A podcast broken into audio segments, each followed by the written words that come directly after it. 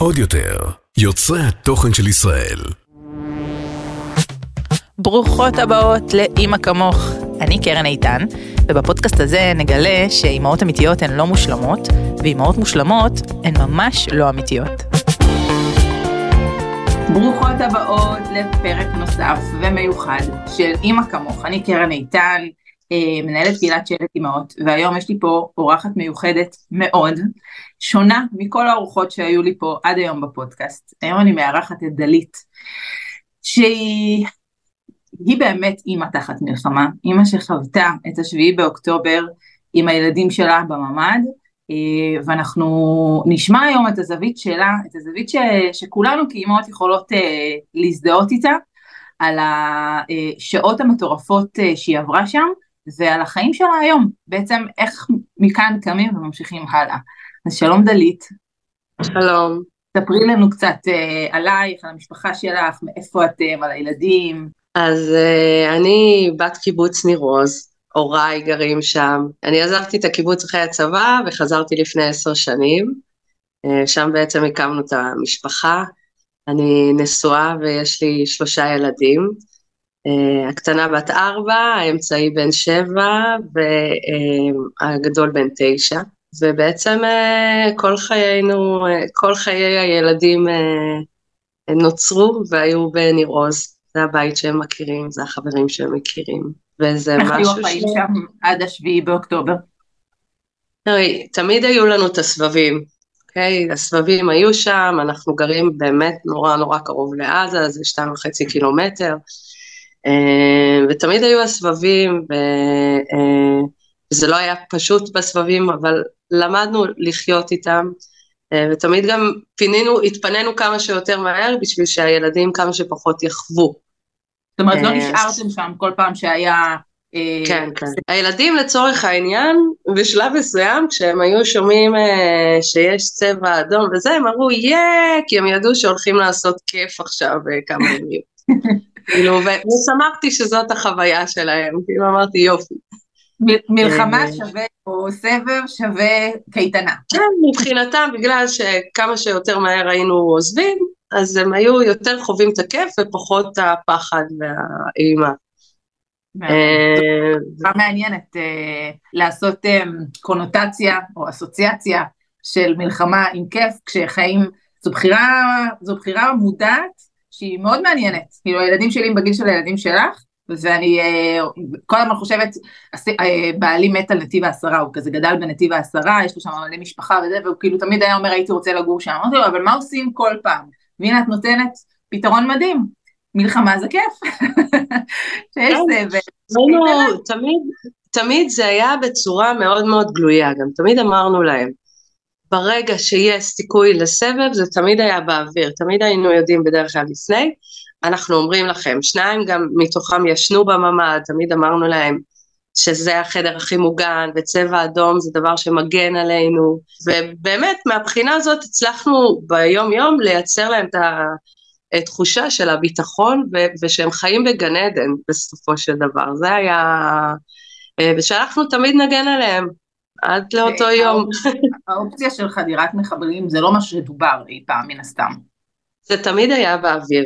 זה תמיד היה סיוט כבר מאז צוק איתן, שהיה את עניין המנהרות וזה, זה היה תמיד הפחד של כולם, אוקיי? זה היה שם באוויר, אבל בחיים אף אחד לא ציפה לתסריט אימה כמו שהיה, ותמיד היה ברור שזה גג איזה כמה מחבלים וישר הצבא יבוא ויחסל אותם. כאילו, זה, זה תמיד היה הקטע של יהיה מאוד מפחיד בסיטואציה ומה יהיה אם נעמוד בסיטואציה הזאת ואיך וזה, זה תמיד היה באוויר אצל כולם, אבל אף פעם לא בצורה כזאת, ממש.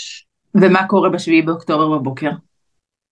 בשביעי באוקטובר בבוקר אנחנו, אה, אה, כולם היו אמורים להגיע לניר עוז, היינו אמורים לחגוג אה, יום הולדת אה, לבן שלי, אה, הוא היה אמור לחגוג יום הולדת תשע, זה יום לפני התאריך שלו, אה, וכל המשפחה הייתה, רוב המשפחה של בעלי מגבעת ברנר, והמשפחה שלי מפוזרת, וכולם היו אמורים להגיע באותו בוקר לחגוג.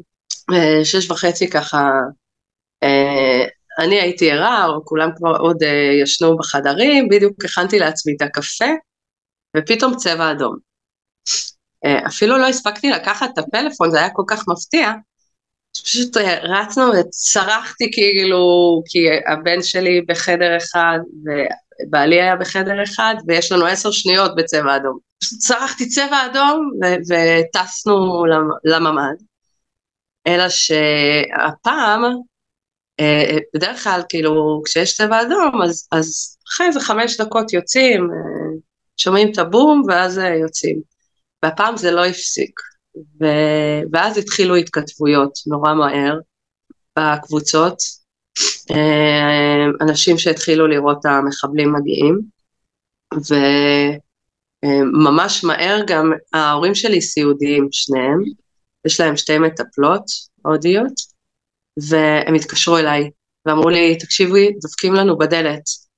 אז אמרתי להם, בשום אופן אתם לא פותחים את הדלת, תנהלו שם בממ"ד, תחזיקו את הידית בכל הכוח, כאילו אתם לא יוצאים, זה, יש מחבלים עכשיו בקיבוץ. ו, ואמרתי להם, אני עכשיו עושה טלפונים, מתחילה להעביר טלפונים, אה, וככה אני מתחילה להתקשר, ולאט לאט אני מגלה ש... כל המאגרים שיש, כאילו אין, אין, אין למי לפנות, או שלא עונים לי, או שלא מתפקדים, מתקשרת למוקד של המועצה, אומרים לי עוד מעט יגיעו אליהם, ולא מגיעים, אני מתקשרת שוב, ותוך כדי אני קולטת כאילו שכל ההודעות בקיבוץ מתחילות להיות, הם אצלנו, הם אצלנו, הצילו, הצילו, איפה הצבא, כאילו הודעות מזעזעות, מחרידות, ו... מה הילדים שלך. יודעים באותו שלב? הילדים גם מתחילים להבין, אנחנו כל הזמן, מאוד מאוד חשוב לנו תמיד להיות איתם אה, בשקיפות. ואנחנו אומרים, תקשיבו, זה מצב אחר, זה מסוכן. בעלי היה חייב לרוץ להביא את הפלאפון שלי, כאילו, לפני ש... רגע לפני שהגיעו המחבלים, בעלי רץ מהממ"ד, הביא את הפלאפון, הביא בקבוק מים ונשנושים, זה הציל אותנו אה, למשך היום. אבל אנחנו כאילו שומעים יריות ברקע, מבינים מהכתובות שוואלה, יש פה תסריט של מחבלים והם אצל כולם. זאת אומרת, אין פה, אין פה כתובת, ופתאום אה, לאט לאט אנחנו מבינים שאנחנו לבד. ו- ואז הם אה, הגיעו אלינו הביתה. תוך כדי שאני בקשר עם ההורים שלי, שאצלם הם אה, ממש התנחלו. וזה היה בהתחלה, דפקו לנו בחלונות של הממ"ד, ואחרי זה פשוט אה, אה, הצליחו לפרוץ את הדלת, מכות וזה. הדלת. של הבית. הדלת של הבית, ובעלי ככה כל הזמן עם הידיים חזק חזק על הידית של הממ"ד, כי אין לנו נעילה. אה, ופשוט אה, בשלב הזה, זה היה שלב שלא יכולתי גם לדבר עם ההורים שלי שבמקביל היה אצלם, וגם הבת הקטנה שלי uh, התחילה, היא לא הבינה את הסיטואציה כל כך, והתחילה לצעוק, עכשיו אנחנו היינו בדממת אלחוט, ממש חיבינו את האור והיינו בשקט, אני ממש כאילו סתמתי לקחת את הפה, אורן שקט, שקט, שקט, שקט.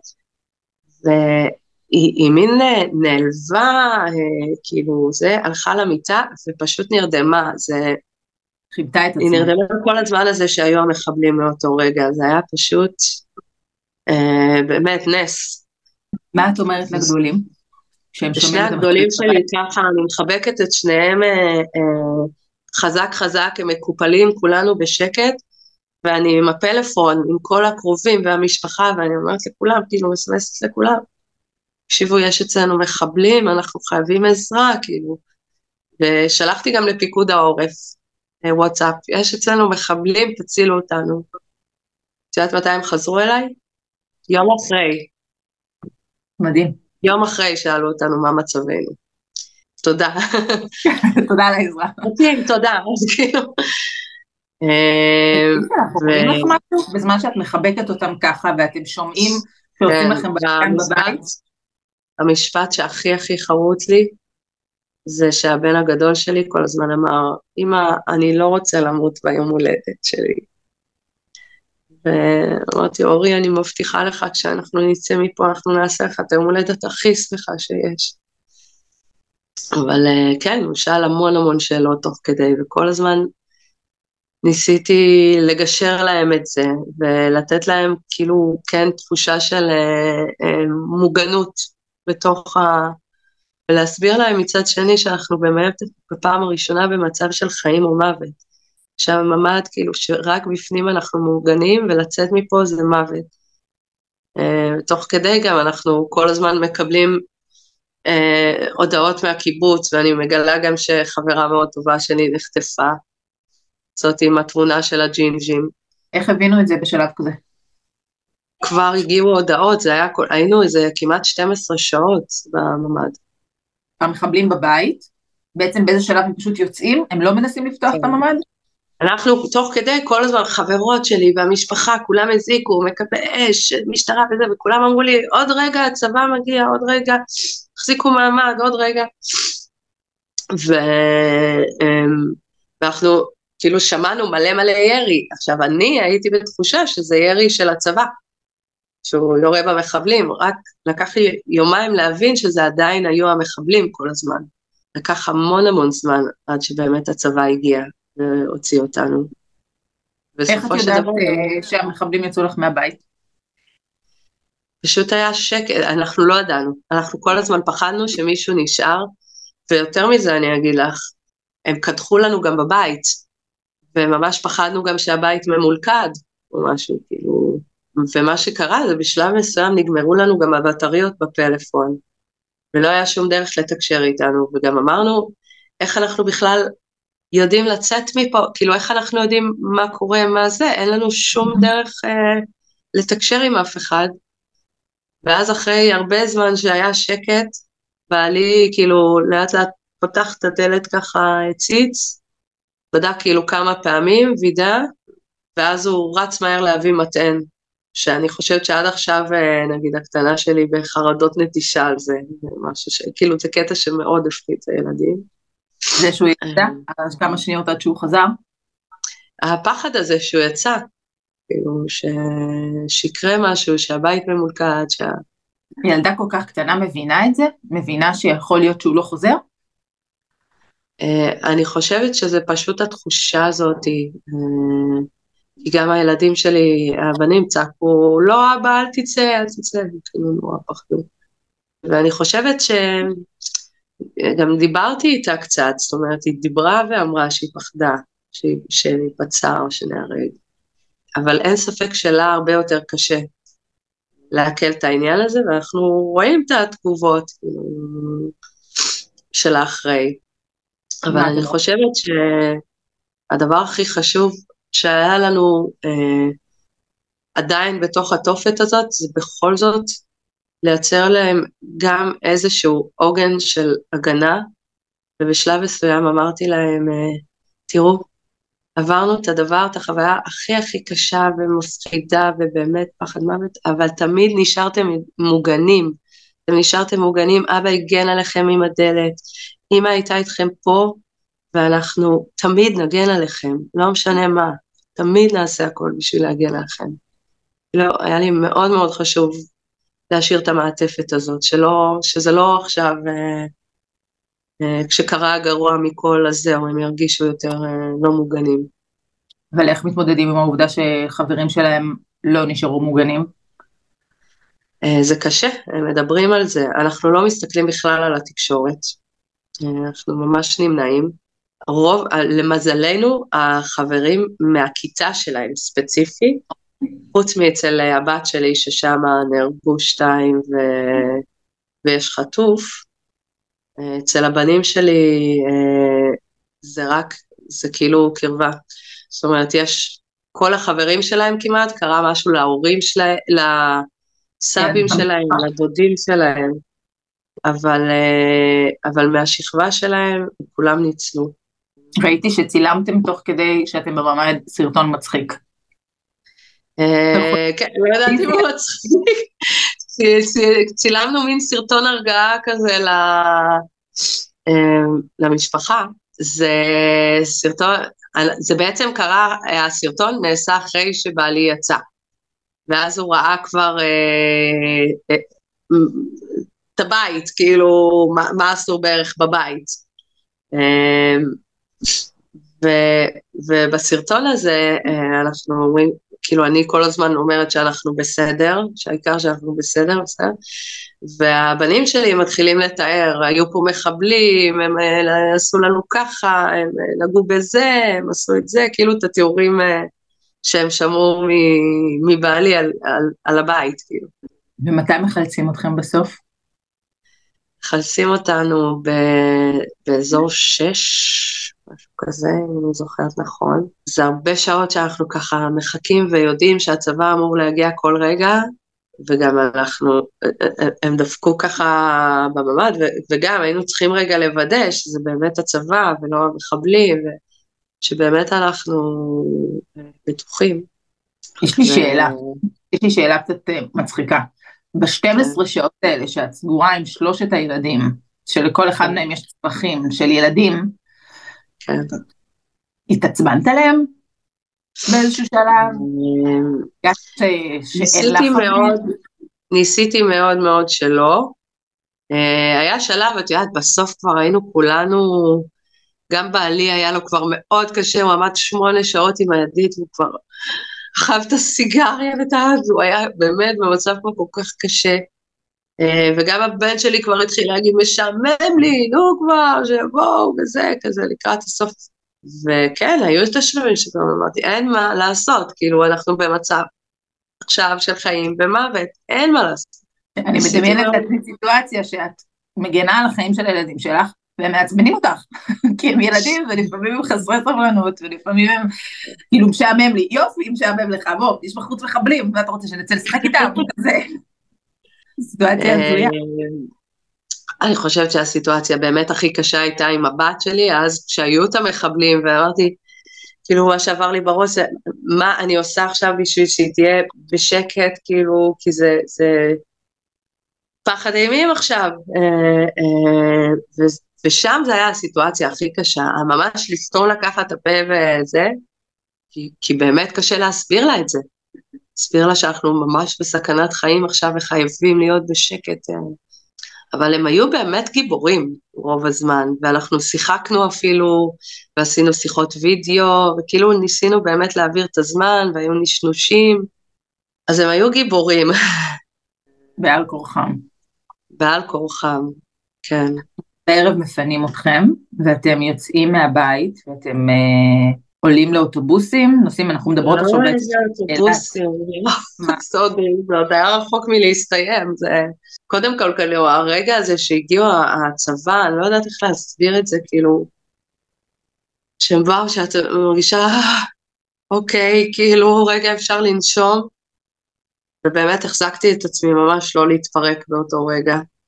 צילמתי מהר גם את הבית, והם אמרו לנו, ת, ת, תשימו נעליים וקחו מהר מהר דברים אה, שיהיה לכם לעכשיו. עכשיו, זה בדיוק השאלות ששואלים אה, מה היית לוקחת לאי בודד, רק שהבית כולו הפוך, ואין לך מושג. אני אספר קטע מצחיק. היינו בבוקר, אני הייתי בלי חזייה, בעלי היה עם תחתונים, אמרתי, אנחנו עכשיו הולכים להעביר את זה, אמרתי לבעלי עוד בממ"ד, אני חייבת, איך שאנחנו יוצאים, לא משנה מה, למצוא את החזייה, שים לי חזייה, גם בעלי, והכל, כאילו, כל החדר שינה, כל החדר שינה, הם שברו לנו שם את המיטה, והכל היה ערימות. אמרתי, לא משנה מה, אני מוצאת את החזייה וזה, ונלחמתי עם הארון איכשהו לפתוח אותו ו... ולקחת איזושהי חזייה.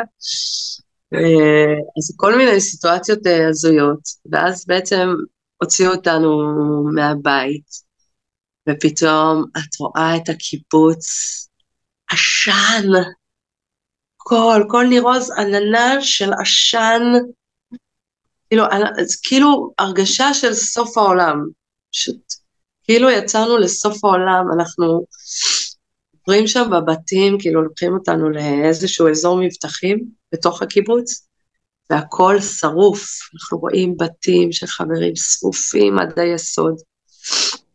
ו...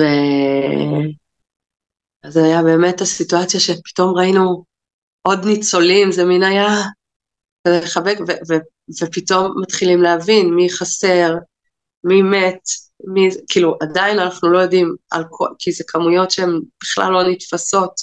זה מין היה כאילו נקודה ראשונה, ואז לקחו את כולנו לגן ילדים שהוא ממוגן. שזה גם הייתה צעידה מאוד מפחידה, כי עדיין היו שם מחבלים ועניינים וזה. ובגן ילדים הזה, גם לקחו את ההורים שלי, אה, היו צריכים לקחת אותם באמבולנס, כי הם ממש סיעודיים, אמא שלי חולת ALS, ולקחו אחרי זה את ההורים שלי לסורוקה, לחוף מבטחים, אז ממש שמחתי. אה, אבל בגן ילדים אנחנו נשארנו עוד יום, שגם היינו כמו סרדינים שם צפופים, אני לא יכולתי לישון בכלל, בקושי היה מקום לעמוד או לשבת. והייתם עוד יום שלם בגן ילדים, בתוך הקיבוץ? כן, וכל הזמן בומים, אנחנו שומעים כל הזמן הפצצות. אמרתי בשלב אה, מסוים לבעלי, איך יצליחו כאילו להוציא אותנו בכלל מהקיבוץ? זה כל הזמן הפצצות שם. אה, ורק אחרי צהריים, למחרת, הצליחו גם, נתנו לכל אה, נציג משפחה ללכת עם צבא, לנסות לחלץ כמה דברים מהבית. ואז אה, לקחו אותנו בארבעה אוטובוסים, שזה גם, זה, זה פחד מוות, הפחד הזה שרגע כאילו עכשיו יטבחו בנו, רגע, כאילו לקח הרבה זמן עד שהגענו לסייף זון, שיכולנו באמת באמת אה, לנשום ולהרגיש שאנחנו בטוחים. מתי את מרשה לעצמך להתפרק? אני בוכה כל יום בבוקר והלילה שאני הולכת לישון. באים לפה הרבה מהמשפחה, חברים וזה, ואני גם איתם. אני משתדלת ליד הילדים אה, אה, להיות יותר אה, חז... אסופה וחזקה. אני כן מדברת איתם על זה שגם לי קשה ועצוב לי, אבל מאוד חשוב לי שהם ירגישו עדיין את ההגנה שלנו. יש, יש אה, רגעים שהם מאוד מאוד קשים, אה, כל פעם מגלים על עוד מישהו שנהרג מהקיבוץ, על עוד מישהו שנעדר.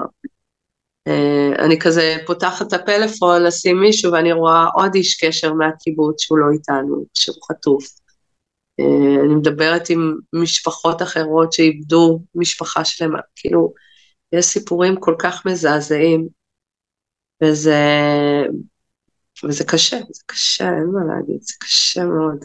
שאני, בגלל שאני בעורף, יש לי את הפריבילגיה לחסום מהילדים שלי, שהם באותו הגיל כמו הילדים שלך, כן. אמ, חלק גדול מהמידע. הילדים שלי יודעים שיש אזעקות בדרום, אנחנו גם גרים במודיעין, אין פה אזעקות. אה, הם לא יודעים שום דבר ממה שאתם עברתם. ואני חושבת עלייך שהעבודה הזאת של להסתיר מהם, או, או לחסוך מהם את מה שכאילו אתם, זה, זה אצלכם, זה השכנים שלכם שעברו דברים מזעזעים, ואני לא רואה איך מצליחים לאורך זמן לפחות לחסום את המידע הזה מלהגיע אליהם. לא, הם, אין מה לעשות, אי אפשר לחסום את המידע, הם יודעים על החטופים וההרוגים, אי אפשר, זה, צריך להבין, קהילת ניר עוז זו קהילה שהיא מאוד מאוד uh, קרובה, וכולם מכירים אחד את השני, וכולם uh, uh, מאוד מחוברים, הם יודעים, הם יודעים, אה, הם שומעים גם מחברים שלהם, אה, סבתא שלי חטופה, סבא שלי חטוף, בן דוד שלי, כאילו כל, כל אחד פה קשור באיזשהו קשר משפחתי למישהו שחטוף או, או הרוג. זאת אומרת, אין שום דרך להסתיר מהם, יש רק דרך לתווך. זה הדרך היחידה. ואני מתווכת בשיחות איתם. אני מדברת איתם על התחושות שלהם, על מה הם מרגישים. אני מנסה באמת כאילו להסביר להם איזה גיבורים הם היו, ו- ושזה איזה נס שכולנו ככה יצאנו אה, בחיים, בלי פגע, גם ההורים שלי, גם הם. אני מדברת על זה שדיברנו גם על זה שאנחנו לא נחזור לניר עוז. אה, ואמרתי לבן הגדול שלי במיוחד, אנחנו, אני תמיד, הבטח, תמיד הבטחנו לכם שנגן עליכם, תמיד. ונראות עכשיו יותר, זה לא מקום שאנחנו יכולים להגן עליכם, לכן אנחנו לא נהיה שם. ואנחנו נעשה הכל, הכל, שוב, בשביל להגן עליכם. את יודעת, כשאנשים אה, עוברים דירה, או משנים מגורים זה משהו שמתבשל הרבה מאוד זמן וחושבים עליו ומחפשים מקום שהייתם רוצים לגור בו ומדברים על זה עם הילדים ואתם פשוט ביום אחד יום אחד לא חוזרים יותר. תראי, זה ביום אחד, זה ביום אחד, כאילו גרנו בקיבוץ ניר עוז, שבדיוק עמד אה, לפני קליטה עם קהילה משגשגת, עם משפחות וחברים ועניינים, וביום אחד אין ניר עוז, אין, כאילו, והקרקע אה, נשמטה מתחת לרגליים שלהם, שלנו, של כולם. זה כאילו, זה, זה, אני עדיין מרגישה שאני במין הזיה ש...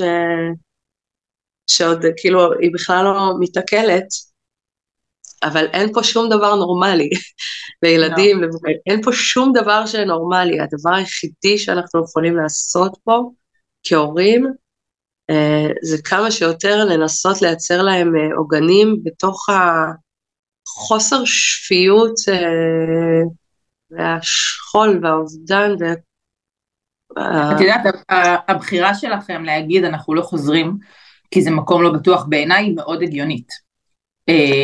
בעיניי באופן אישי, אני גם לא, לא חושבת שהייתי חוזרת, אבל אני שומעת הרבה מאוד משפחות שאומרות זה הבית שלי ולפה אני חוזר, ואף אחד לא יפנה אותי מהבית שלי ואנחנו נראה להם מה זה וכולי. זאת אומרת, יש כאן שתי גישות. זה נורא תלוי באיזה מקום, כי בניר עוז ניר עוז, אה, בארי וכפר עזה, זה היה באמת מקומות שהם אה, ספגו מאוד מאוד, וניר עוז, יש לנו פה אחוז מאוד מאוד מאוד גבוה, כמעט רבע מהאוכלוסייה, אם לא יותר, או הרוגה או נעדרת או חטופה, זה כאילו בלתי נתפס, וזה הפך להיות קיבוץ שהוא בית קברות, כאילו, ולפחות פה אה, הרוב המאוד גדול של המשפחות, גם אין להם בית לחזור אליו, כן? רוב הבתים שרופים.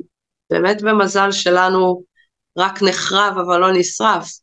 אה, אבל הרוב הגדול זה בתים שרופים, זה בית קברות.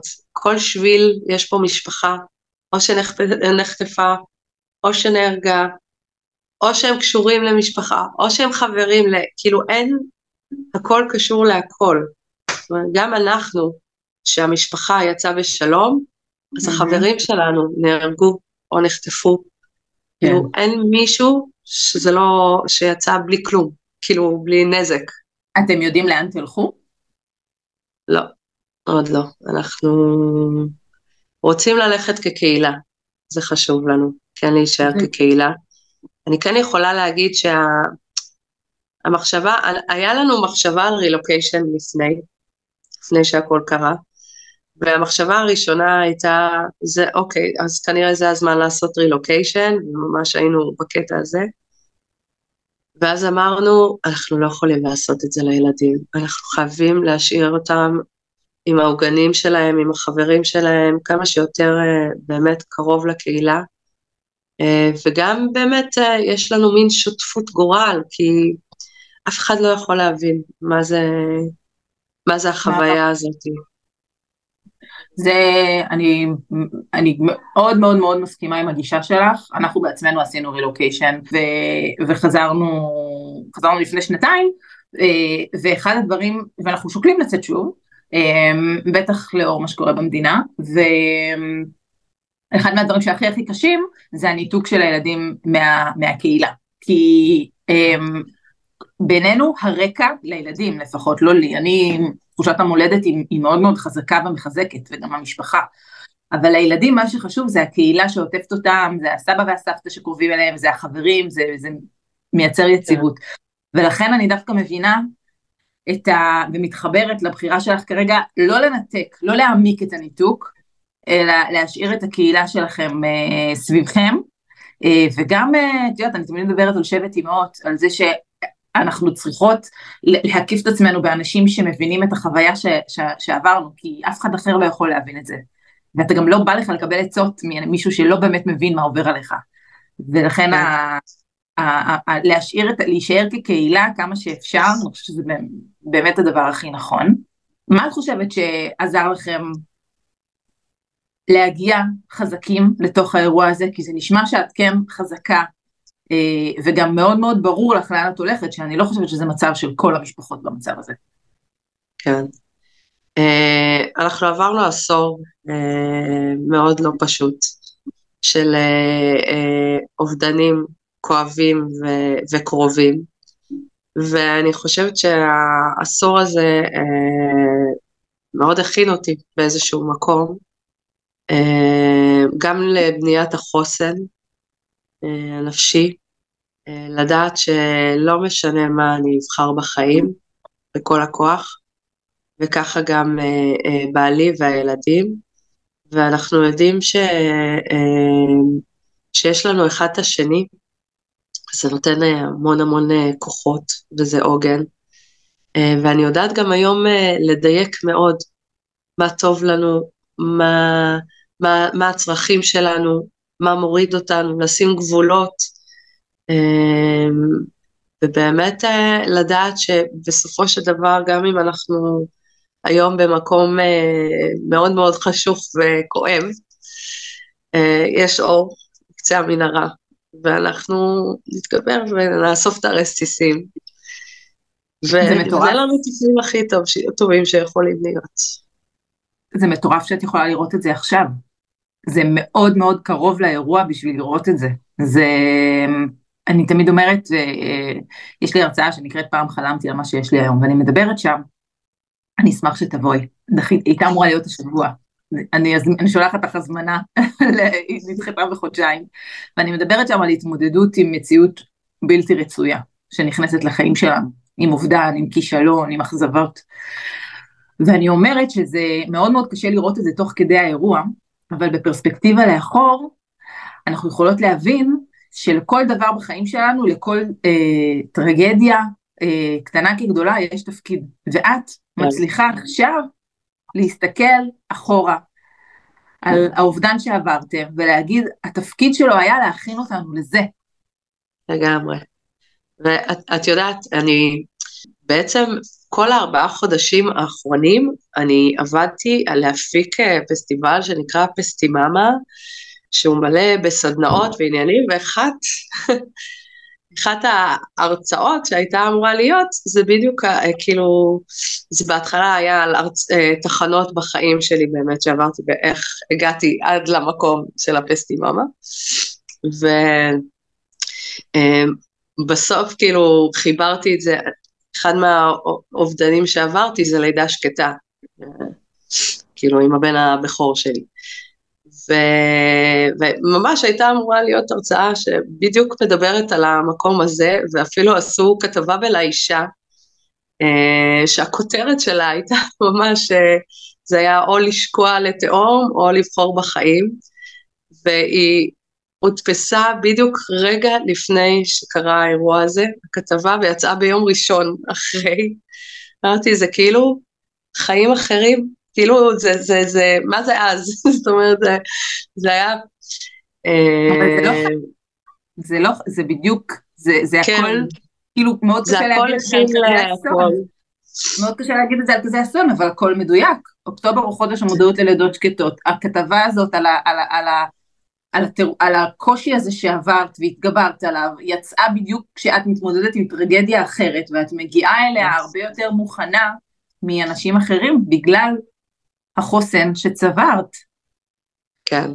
זה ממש כן, בחירה בחיים. אין לי ספק שזה ממש הכין אותנו uh, למקום הזה, כי זה באמת, uh, זה מקום קשה להגיד, כאילו, זה, זה ממש להתחיל uh, לבנות את החיים uh, כמעט מההתחלה.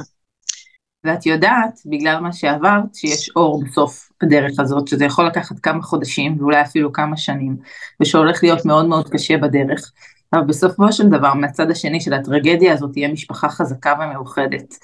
דלית, אני מה זה מודעת שהסכמת להתפנות אה, לשעה, לדבר עליכם, על המשפחה שלכם. אה, אתם נמצאים עכשיו באילת, מפונים רחוק מהחיים שלכם, מי יודע לכמה זמן, אה, ועדיין אני יודעת שהמילים ש, שלך מעבר לזה שאני בטוחה שכל מי שעברה את החוויה שאת עברת יכולה להתחזק, לשמוע אותם להתחזק מהם, אני אישית בתור מישהי שנמצאת בעורף ולא חווה את מה שאת חווית, דבר ראשון אני מרגישה שהמילים שלך עירבו אותי קצת לחוויה הזאת, כי זה אחרת לשמוע את זה ככה מאשר לראות את זה בחדשות ולקרוא את זה ב... באינטרנט. אספת לזה את הפן האנושי של אימא ש... שמחבקת את הילדים שלה. אה, את ואני יכולות להיות חברות, כאילו זה, זה, זה, זה לא משהו שקרה למישהי רחוקה. וגם בתור מישהי שלא עברה את זה, המילים שלה חיזקו אותי. אה, ואני בוחרת אה, אני מבקשת מכל מי שמאזינה לנו ועוברת איזשהו קושי בחיים שלה, קטן או גדול, בסדר? זה לא צריך להיות uh, טרגדיות מטורפות, לזכור את המילים שלך, לבחור בחיים ולדעת שתמיד יש אור בקצה המנהרה, uh, ושאם אתן, אם את מגיעה כל כך הרבה אופטימיות לתוך הדבר הזה ו- ויודעת שאת יכולה, שאתם תצאו מזה בסופו של דבר, אז זה משהו שאפשר להגיד על כל משבר. יש משהו שאת רוצה להגיד למאזינות שלנו לסיום? אני רוצה להגיד, כאילו, באמת, אין ספור תודות על, על המעטפת הפסיכית שאנחנו מקבלים, כאילו זה באמת עם ישראל אה, בתפארתו. כאילו באמת הכל מהכל עוטפים אותנו ב, אה, ברמות, אה, כאילו זה, זה, זה מאוד מרגש, מאוד מרגש ומחמם את הלב. זה באמת מאוד מאוד מחזק אה, ומחמם את הלב, כאילו לדעת שבמדינה אה, הזאת שכאילו, שהרגשנו כל כך אה, מופקרים מצד אחד מצד הממשלה והזה כל כך לבד, יש את הכל כך ביחד של המעטפת של העם עצמו והאנשים עצמם. וזו הסיבה שאנחנו בוחרות לחיות פה למרות הכל. נכון. עוד משהו קטן, קרן, שחשוב לי לבקש. אה, יש לנו המון המון משפחות של חטופים, שזה באמת כואב הלב, ילדים ו- ו- ונשים וכל כך הרבה, ויש מאבק באמת, כאילו, הרצון למודעות, כאילו, של להחזיר את החטופים של אה, ניר עוז ובכלל. אה, וחשוב כאילו שאם אתם רואות פוסטים על זה של החטופים, להצטרף, לתמוך בעניין הזה, שבאמת כאילו זה אחד הדברים שהכי חשובים לנו בקיבוץ, להחזיר את האנשים שכן עדיין נשארו, נשארו בחיים הביתה. תודה דלית, חיבוק ענק, תהיו חזקים, קהילת שבט אימהות פה בשבילכם, כל דבר שאפשר לעזור. תודה, תודה רבה. ואני מזמינה את המאזינות שלנו אה, לכתוב לך באינסטגרם או לי באינסטגרם ככה תחושות אה, שעלו בכם מהפרק הזה, אה, מסרים שלקחתם ממנו, תובנות ש, שקיבלתן, אה, כי הימים המטורפים האלה הם באמת מאוד מאוד מבלבלים עבור כולם, גם לא עבור, גם עבור מי שלא הייתה 12 שעות בממ"ד עם שלושת הילדים שלה, אה, עם מחבלים דופקים לה בדלת. אז אני בטוחה שכל אחת מכן יכלה לקבל מזה משהו, אז תכתבו לנו שנדע ונתחזק כולנו ביחד, ונחכה לימים טובים יותר. עוד יותר, יוצרי התוכן של ישראל.